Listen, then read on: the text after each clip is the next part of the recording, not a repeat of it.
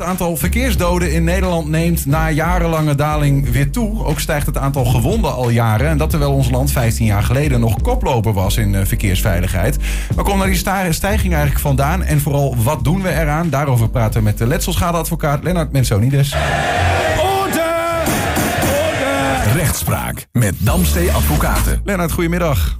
Goedemiddag Niels. Ja, in een ambitieus plan werkt de overheid nu toe naar het omlaag brengen van het aantal verkeersslachtoffers. Dat moet in 2050 gedaald zijn naar, hou u vast, nul. Nul. Uh, dat is Ja. bijzonder. Uh, Heel ambitieus. ja, heel ambitieus, misschien wel te. Je gaat er zo meteen wat over vertellen. Maar Ja. misschien goed om ook dat even te duiden. Want je bent letselschadeadvocaat. Zit hier meestal om uh, iets over de wet uit te leggen. Of over aansprakelijkheid als het gaat om letselschade.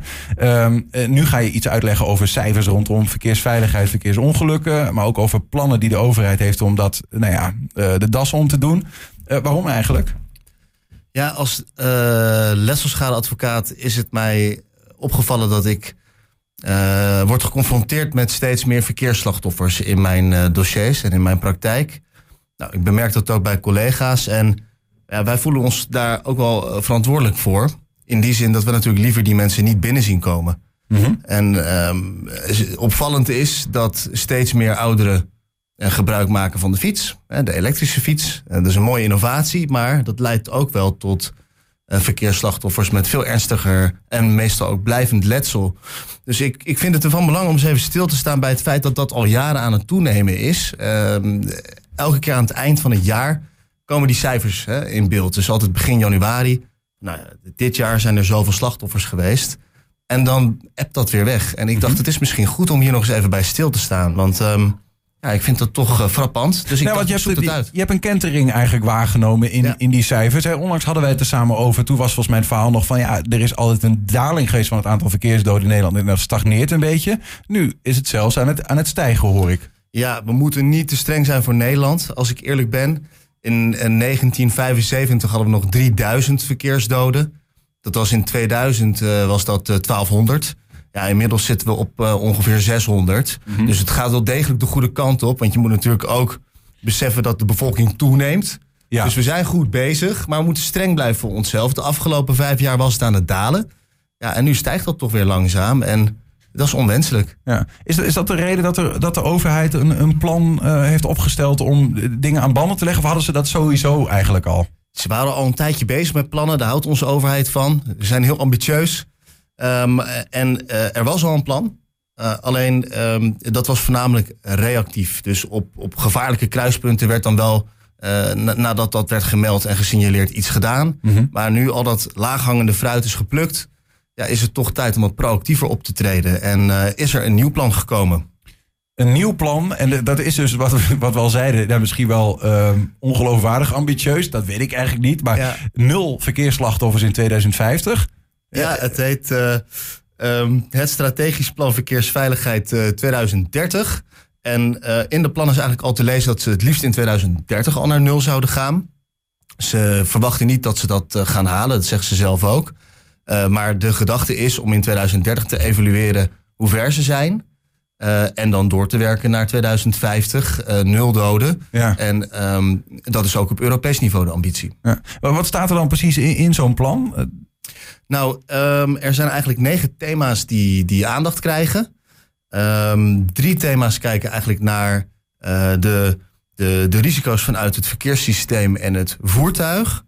Um, twee thema's betreffen specifieke doelgroepen. Dus dan moet je denken aan kwetsbare personen, jongeren, ouderen.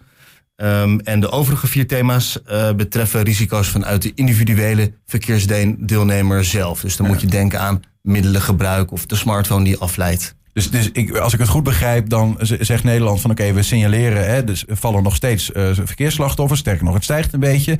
Dus we gaan in kaart brengen waar komt dat nou vandaan. En dat staat in dat plan en dan ingedeeld in negen verschillende thema's. Ja, maar ik neem ook aan als je het, de oorzaak weet, uh, dan kun je ook zoeken naar een oplossing. Dus dat, zal, dat staat dat er ook ja, in? Dat is, dat zijn eigenlijk uh, dat is een spiegelbeeld van elkaar. Dus ze vinden een bepaald thema van nou, hier moeten we op letten.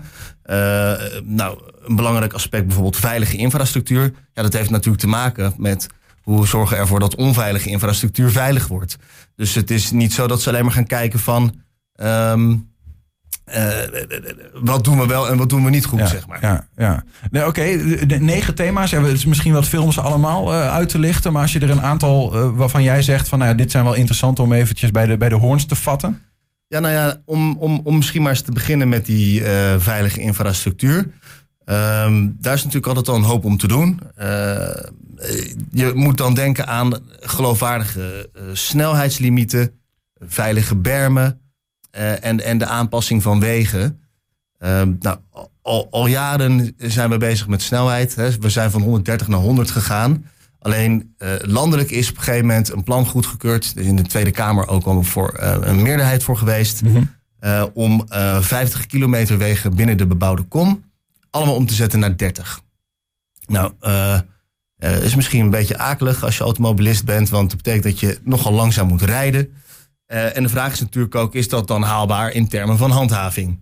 Uh, want je kunt het natuurlijk wel veilig maken. Alleen uh, ja, als niemand jou bekeurt voor te hard rijden, dan kan je natuurlijk afvragen in hoeverre zo'n ja. limiet een wassen neus is. Ja, exact. En de, want daar heb ik ook even mee ingedoken vanmiddag. En toen begreep ik uh, dat het zo is dat de politie eigenlijk zegt: wij gaan ervan uit als iets een 30 kilometer zone is, dan dat het zichzelf handhaaft. Namelijk dat die weg zo is ingericht uh, dat de persoon die daar rijdt niet harder kan rijden dan 30 km per uur. Ja, en daarom handhaven wij niet. Het, het is um, best wel interessant. Zo, zo interessant zelfs dat er ook kamervragen over gesteld zijn al jaren geleden.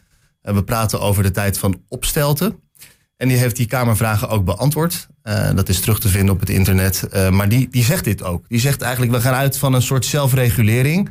Uh, wij passen het limiet aan naar 30. Dat doen we eigenlijk primair om de, de, snelheid daar te, perken, te beperken. Maar ook om, om geluidsoverlast, et cetera, te voorkomen. Dus het is niet alleen maar in het kader van verkeersveiligheid. Het ziet ook op hinder. En zij weten dat het onmogelijk is om op elke hoek een politieagent neer te zetten. Dus ja. ze hebben eigenlijk gezegd van we, we, snappen dat dat niet te doen is. Uh, maar we gaan er eigenlijk vanuit dat men ook met elkaar, ook elkaar een beetje in de gaten houdt als er iemand als een ASO door de wijk rijdt. Het probleem is alleen als je overal 30 kilometer zone maakt en je richt die weg niet als zodanig in, dus een hele lange straat in een woonwijk.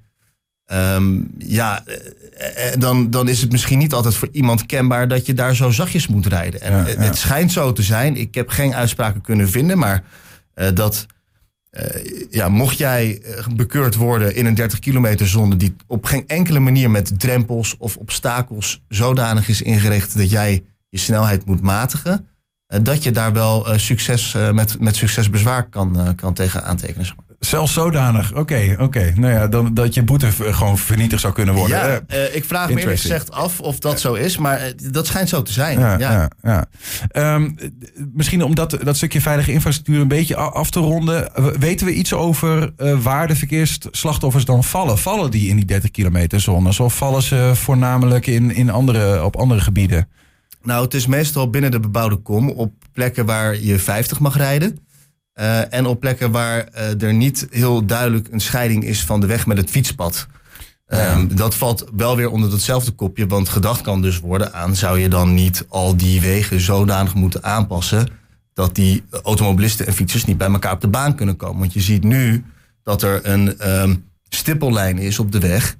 Uh, en als het dan bijvoorbeeld een, een, een rij staat voor een stoplicht, dan kan jij als auto toch nog even invoegen om alvast rechts ja. af te slaan. Ja. Dan rij je dus deels over het fietspad heen. Nou dat, zorgt voor onveilige situaties natuurlijk. Daar wordt dus over nagedacht. kun je nog eentje uitlichten uit die thema's? Nou, wat ik zelf een interessante vind, is uh, de technologische ontwikkelingen. En je ziet uh, dat de meeste nieuwe auto's hebben rijondersteuning. Ik zelf ook. Uh, adaptive cruise control, lane assist. Hè, als je buiten de lijnen gaat, dat hij je terugstuurt. Um, in sommige auto's schrik je daar rot van. Uh, want uh, ja, dan geeft je stuur in één keer een uh, ja, druk terug. Ik heb het wel eens meegemaakt. dat is op zich best wel prettig dat hij dat doet. Aan de andere kant is het nog even wennen, denk ik, voor veel mensen. maar de vraag is, waar gaan we heen? Hè? Want op termijn is het misschien helemaal niet ondenkbaar dat je straks zelfrijdende auto's krijgt. Nou, ik wil hier niet een hele discussie hierover gaan voeren, want er bestaat al een discussie op Europees niveau van moeten straks alle auto's zodanig zelfbesturend zijn dat jij geen controle meer hebt, maar dat de auto bepaalt waar je heen gaat. Want als dat natuurlijk zo zou zijn, heb je nooit meer een verkeersslachtoffer. Ja, ja. Uh, omdat alle auto's zich houden aan de snelheid ja, en dan wordt afstand die, van elkaar houden. Dan wordt die ambitie misschien in één keer... Uh... Uh, dat is nogal ambitieus en vraag me af of Duitsland er niet voor gaat liggen. Want Ja. dat zou betekenen dat je dus niet meer zelf mag bepalen wat je doet. Ehm, eh, maar wat ik ook interessant vind is smart mobility. Nou, waar moet je dan aan denken? Dat is een, eh, een beetje hippe term, maar het gaat er eigenlijk om dat stoplichten en, en, en, en, en de weg communiceren met de weggebruikers daarvan. Dus op het moment eh, dat er een ongeval plaatsvindt bij jou bij het kruispunt op de hoek, dan eh, weet jouw auto dat. Eh, die krijgt dan een signaal en dan kan of een stoplicht daarop anticiperen of je kan worden omgeleid.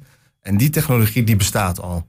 Eh, maar je kunt ook denken aan bij een bejaardentehuis, als daar een oversteekplaats is, dat het licht eigenlijk te kort op groen is om over te steken. Nou, er zijn gewoon stoplichten die kunnen een oude persoon herkennen of een groep Ja. schoolkinderen.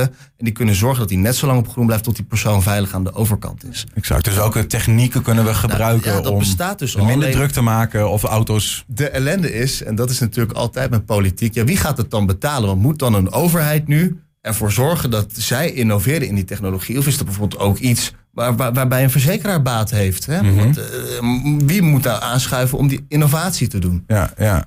Ja, en en ik, en ik hoor mensen al zeggen, ehm, eh, het land der betutteling mogen wij niet zelf bepalen hoe hard we rijden als alles Ja. eh, straks voor ons bepaald wordt. Maar goed, dat is een politieke discussie. Dat, dat, dat is wat. Ja, dat ja. is wat. Hebben we er nog eentje uit eh, een thema?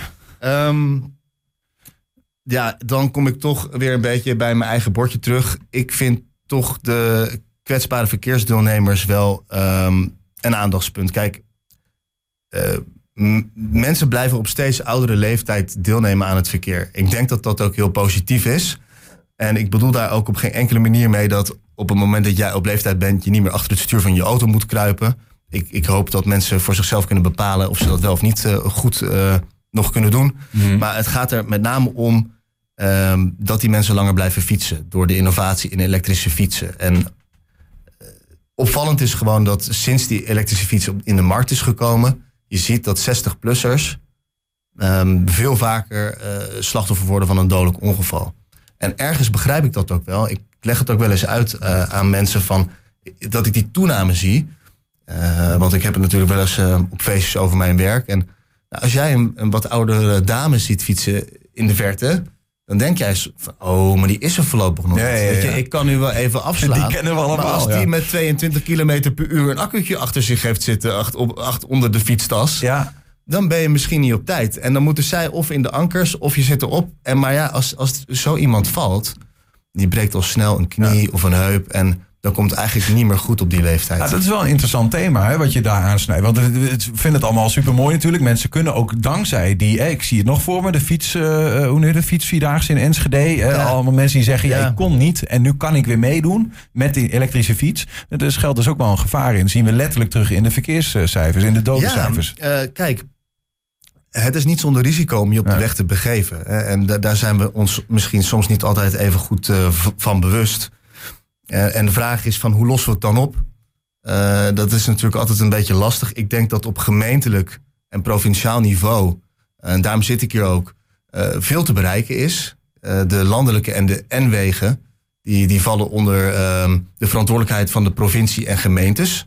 Die zullen samen moeten werken om dat veiliger te maken. Want ja, we hebben hier eigenlijk een soort dodenweg, een horrorweg, de N36. Daar gebeurt al jarenlang eh, gebeuren daar dodelijke ongevallen. Dat weet men ook bij de overheid.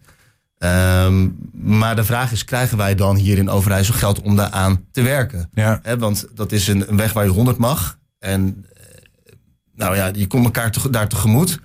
En een hele eenvoudige oplossing zou zijn in plaats van een vangrail. Ja. Maar dat kost 92 miljoen euro. Ja, en daar is nu al eh, jaren een gesteggel over en er gebeurt niks. De- dan kom ik toch even op jouw vakgebied. Eh, Als jij nou iemand in jouw praktijk krijgt die eh, daar een ongeluk heeft gehad. En, en, en daar zijn natuurlijk een, een, een, een slachtoffer en misschien wel een dader in dit verhaal. En een verkeersongeluk. Ja. Maar ook een overheid die blijkbaar een, een een weg beheert. En dat misschien Ja. niet goed doet. Ehm, kijk, daar vind ik ook wat van. Hè. In het kader van mijn rol als advocaat eh, vind ik dat ik enerzijds wel eens contact moet zoeken met de overheid in het kader van preventie. Mhm. Dus ook als ik signaleer dat er een gevaarlijke kruising is waar veel slachtoffers vallen, dan, dan tip ik wel eens de gemeente van jongens, Moeten jullie daar misschien niet eens een keer wat aan gaan doen? Anderzijds ehm, zou je natuurlijk ook kunnen zeggen van... als een gemeente op de hoogte is van een gevaarlijke situatie... ehm, die zorgt voor ongevallen die zelfs tot de dood leiden...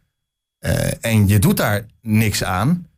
Ja, ik vind het als je dat een tijdje weet dat dat een verantwoordelijkheid schept. En als je daar dan niets mee doet, eh, dan denk ik dat je, tenminste, ik weet ook zeker dat dat zo is, dan kan je daarop worden aangesproken. Ja, ja dat gebeurt ook. Dat gebeurt Ja, ook. ja. Eh, We hebben nog heel korte tijd, Lennart, om, eh, want we hebben een aantal thema's uitgelicht. Maar ik, ik mis er nog één. Hè, en die kennen we van eh, de Matrix-borden. le- let op, eh, onbeschonken naar huis rijden. Ja. En de, de monoborden en zo. Dat zal ongetwijfeld ook een, een, een, thema zijn, toch? Wat, wat, wat speelt. Zeker. Ehm, heel radicaal zou je bijvoorbeeld aan kunnen denken. Kijk, er is nu een campagne van de overheid. Ik denk dat niet heel veel mensen weten hoe die heet. Ja, ik vanuit mijn vak en interesse in dit gebied wel. Dat is de mono-campagne. Dus waar we eerst de Bob hadden van je moet niet drinken, is nu rij mono. Dus zorg ervoor dat je eh, ja, niet kunt worden lastiggevallen door je smartphone onderweg. Ja, ik, ik ben een beetje bang dat heel veel mensen daar een maling aan hebben. Eh, Ik zelf rijd in ieder geval niet mono, want ik, ik luister graag naar luisterboeken onderweg. Ehm, maar die campagne is er wel. En eh, gedacht kan worden dat je zegt, boven een bepaalde snelheid schakelt die telefoon zich uit of ben jij niet bereikbaar. Dus als je harder dan 100 rijdt, dan kan je niet worden gestoord. Ik denk op zich dat dat interessant is om verder te verkennen. Ik weet dat de overheid daar wel mee bezig is. Hm. En ehm, ja, ik vind het toch belangrijk om voordat wij elkaar, eh, eh, voordat we afscheid nemen van elkaar, eh, de, de, de inwoners van Enschede wel te wijzen op een aantal aanpassingen die zijn gedaan recentelijk. Ehm, op 22 maart is aan de Volksparksingel op kruising met de Westerval een flitser geplaatst. Ja, ja. En ehm, dat geldt ook voor de kruising van de Gronauwse straat met de Oostweg. Eh, dus eh, ook in Enschede zijn ze bezig om ervoor te zorgen dat je toch veilig aan de overkant komt. Ja, er gebeurt wel. eh, de, en, en dit plan ook. Hè, de overheid denkt er zeker over na. En eh, doet zijn best. Maar ja, goed, op sommige vlakken. eh, nou ja, is dat, kun je je afvragen of er niet wat meer gedaan mag.